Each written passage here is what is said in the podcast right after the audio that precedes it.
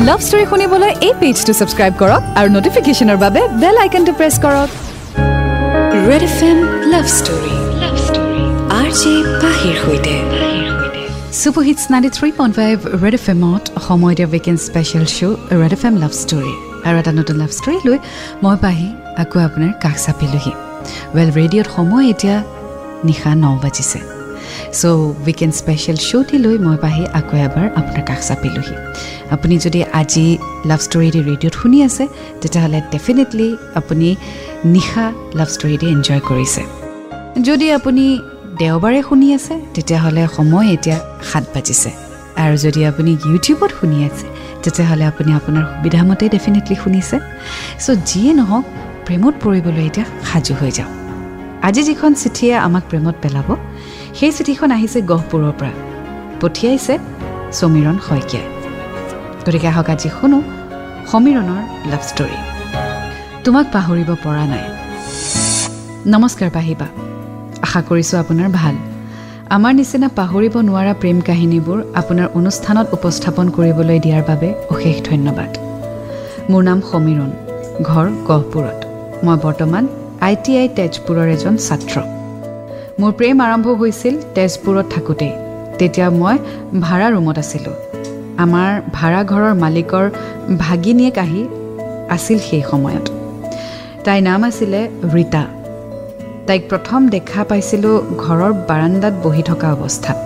তাইক প্ৰথম দেখিয়েই মোৰ অন্তৰৰ কোনোবা এটা কোণত এক ঢিপ ঢিপনিৰ সৃষ্টি হৈছিল।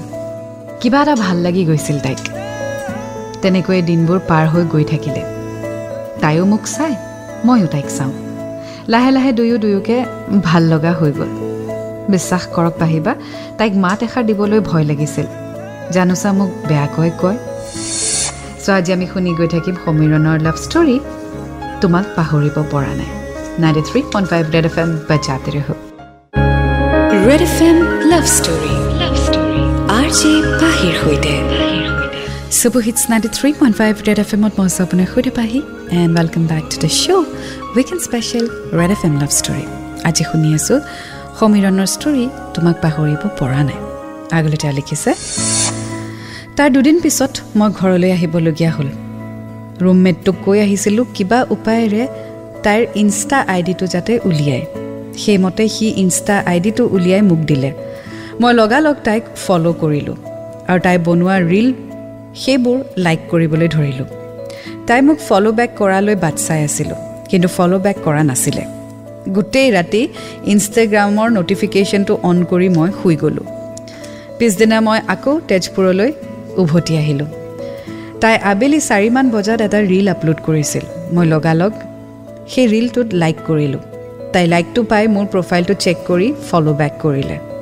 তাৰ পিছৰে পৰাই আমাৰ দুটাৰ মেছেজ মেছেজ আৰম্ভ হ'ল। চ' ইনষ্টাগ্ৰামত তেওঁলোকে ইজনে সিজনৰ লগত কথা পাতিবলৈ আৰম্ভ কৰিলে। ভেৰেজ য'ত ভাড়া থাকে সেই ভাড়া ঘৰতেই তাইক লগ পাইছে। আজিকালি ল'ৰা বা ছোৱালীৰ সেইখিনি সাহস নোহোৱা হৈ গ'ল যে সন্মুখত গৈ নিজে নমস্কাৰ বা হাই বা হেল্ল' ক'ব। আজিকালি ছ'চিয়েল মিডিয়াৰ চাহাৰা ল'ব লাগে। কি সুবিধা হৈ পৰিছে ছ'চিয়েল মিডিয়াৰ বাবে। আগুৱাই গৈ থাকিম আজি ষ্টৰীৰ সৈতে। N ninety three point five red F M ৰহো red F M love story love story R J পাহিৰ সৈতে super hits ninety three point five red F এমত মঞ্চ আপোনাৰ সৈতে পাহি।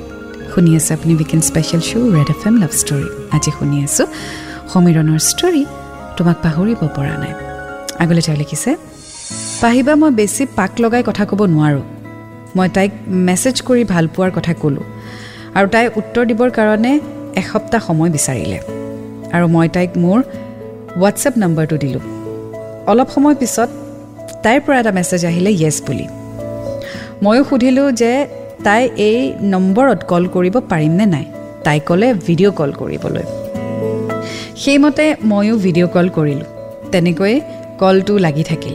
সেইদিনা গোটেই ৰাতি উজাগৰে পাৰ কৰিছিলোঁ মই। সিমান সহজ আজিকালি হয়নে? এক মুহূৰ্তত প্ৰেম তাৰ নেক্সট মুহূৰ্তত আই লাভ ইউ টু তাৰ পিছত ভিডিঅ' কল বা যিয়ে নহওক ইমান সহজ। কিন্তু সদায় মনত ৰাখিব এনেকুৱা ধৰণৰ প্ৰেম কাহিনীবিলাকত প্ৰব্লেমছ বহুত বেছি হয় য'ত ইজনে সিজনক জানিবলৈ চেষ্টাই নকৰে। ক'ৰ কথা কি ছোৱালী ক'ৰ ল'ৰা কি কৰে একোৱেই নাজানে বাছ ফিজিকেল এপিয়াৰেঞ্চটো দেখিয়ে প্ৰেমত পৰি গ'ল।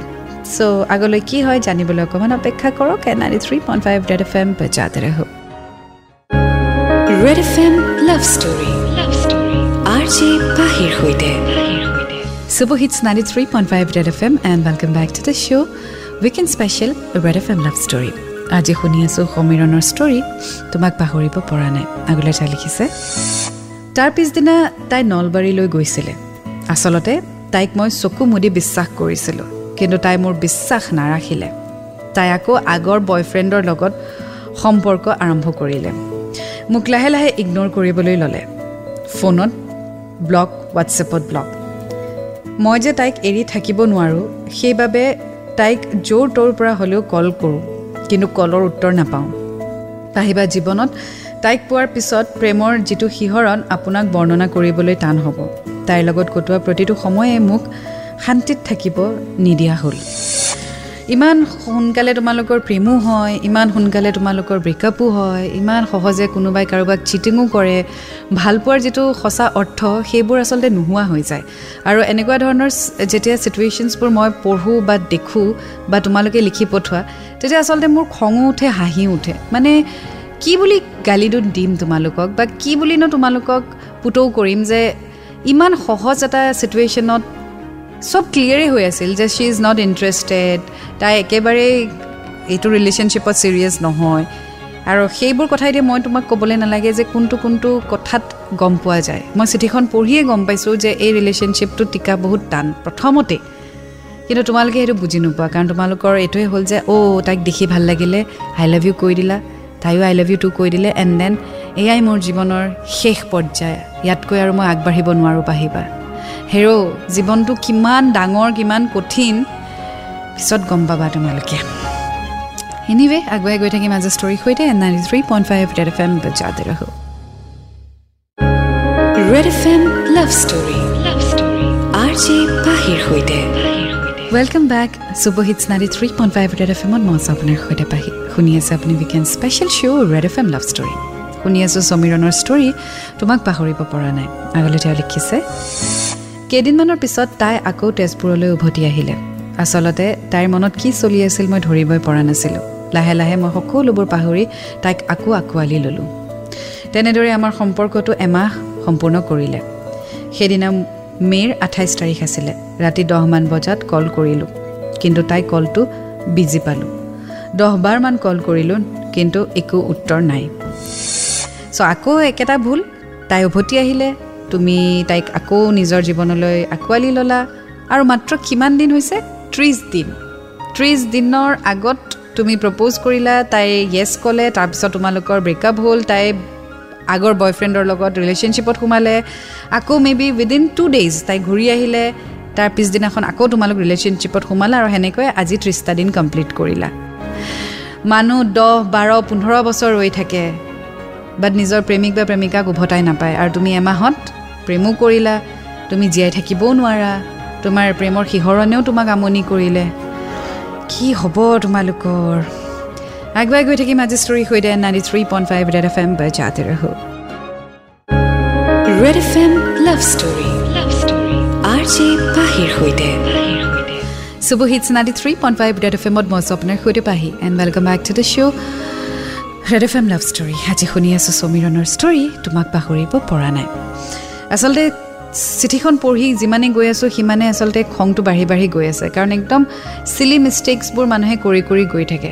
আৰু স্পেচিয়েলি এতিয়াৰ সময়ত এইটো যুগত য'ত ছ'চিয়েল মিডিয়া ইমান পাৱাৰফুল য'ত মানুহে একদম এটা চকুৰ টিপতেই মানুহৰ জীৱন ধ্বংস বা গঢ়ি দিব পাৰে সেইটো সময়ত এনেকৈ প্ৰেমত পৰাটো আৰু এনেকৈ ঠগ খোৱাটো মানে মূৰ্খামি বুলি কয় আচলতে।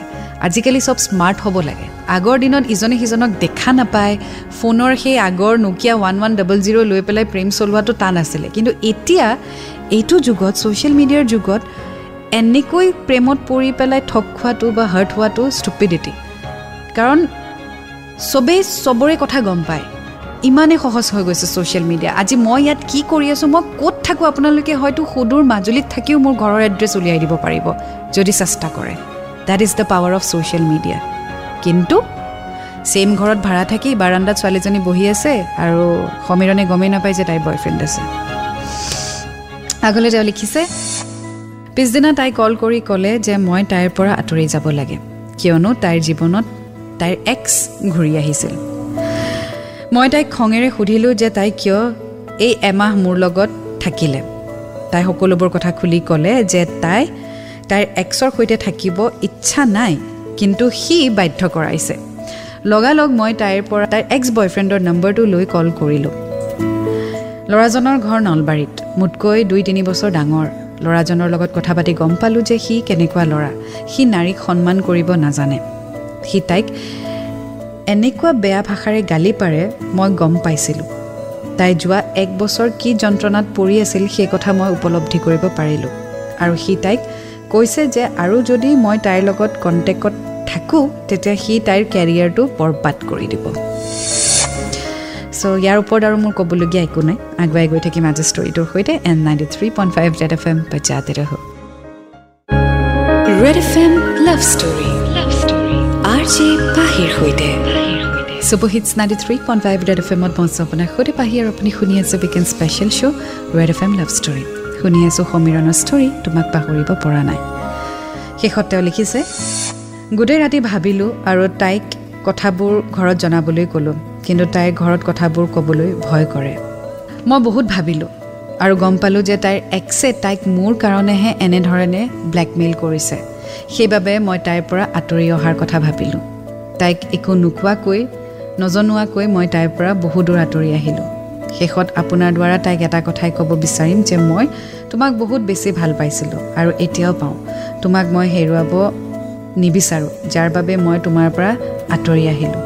তুমি য'তেই আছা কুশলে থাকা ধন্যবাদ পাহিবা। ৱেল সমীৰণ তোমাক মই ক'ম তুমি য'তেই থাকা কুশলে থাকা আৰু অলপ মেচিয়ৰ্ড হোৱা অলপ শিকা অলপ স্মাৰ্ট হোৱা আই টি আইৰ ল'ৰা। চ' আই এম চিয়'ৰ তুমি ইয়াতকৈ আৰু অলপ স্মাৰ্ট গতিকে I wish you all the best এয়া আছিলে আজিৰ ষ্টৰী তোমাক পাহৰিব পৰা নাই। অলপ পিছতে আপোনাক জনাম আপুনি কিদৰে আপোনাৰ ষ্টৰিজসমূহ পঠিয়াব পাৰে। Ninety three point five red F M বজাতে ৰহ। Red F M love story love story R J পাহিৰ সৈতে।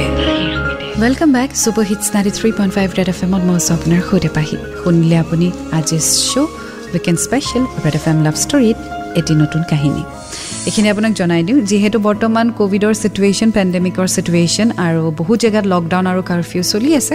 গতিকে সেইবাবে আমি ইমেইলৰ যোগেৰে চিঠিসমূহ লোৱা ষ্টাৰ্ট কৰিছোঁ মানে লাভ ষ্টৰীসমূহ লোৱা ষ্টাৰ্ট কৰিছোঁ। আপুনি ইমেইলৰ যোগেদি মোলৈ আপোনাৰ ষ্টৰিসমূহ পঠিয়াই দিব পাৰে। খালি এটা ৰিকুৱেষ্ট আপোনালোকে হাতে লিখি ফটো মাৰি ষ্টৰিজবোৰ পঠিয়াই নিদিব। বহুত অসুবিধা হয় পঢ়িবলৈ।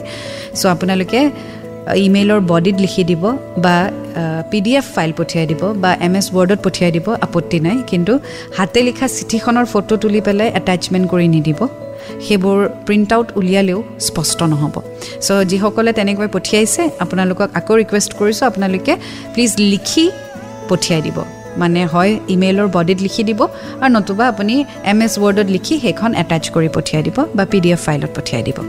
চ' ইমেইল আই ডিটো কৈ দিছোঁ সেয়া হৈছে আৰ গুৱাহাটী ৰেড এফ এমৰ R R Guwahati nine three five at Gmail dot com এইটো হৈছে আমাৰ অফিচিয়েল ইমেইল আই ডি চ' তাত পঠিয়াই দিব। চ' এতিয়া বিদায় লৈছোঁ। আকৌ এটি নতুন ষ্টৰীৰ সৈতে লগ পাম। Until then to fall in love it's a great feeling you will get to learn a lot and always remember I love you 93.5 red FM बजाते रहो 93.5 रेड एफएम 3.5 बजाते रहो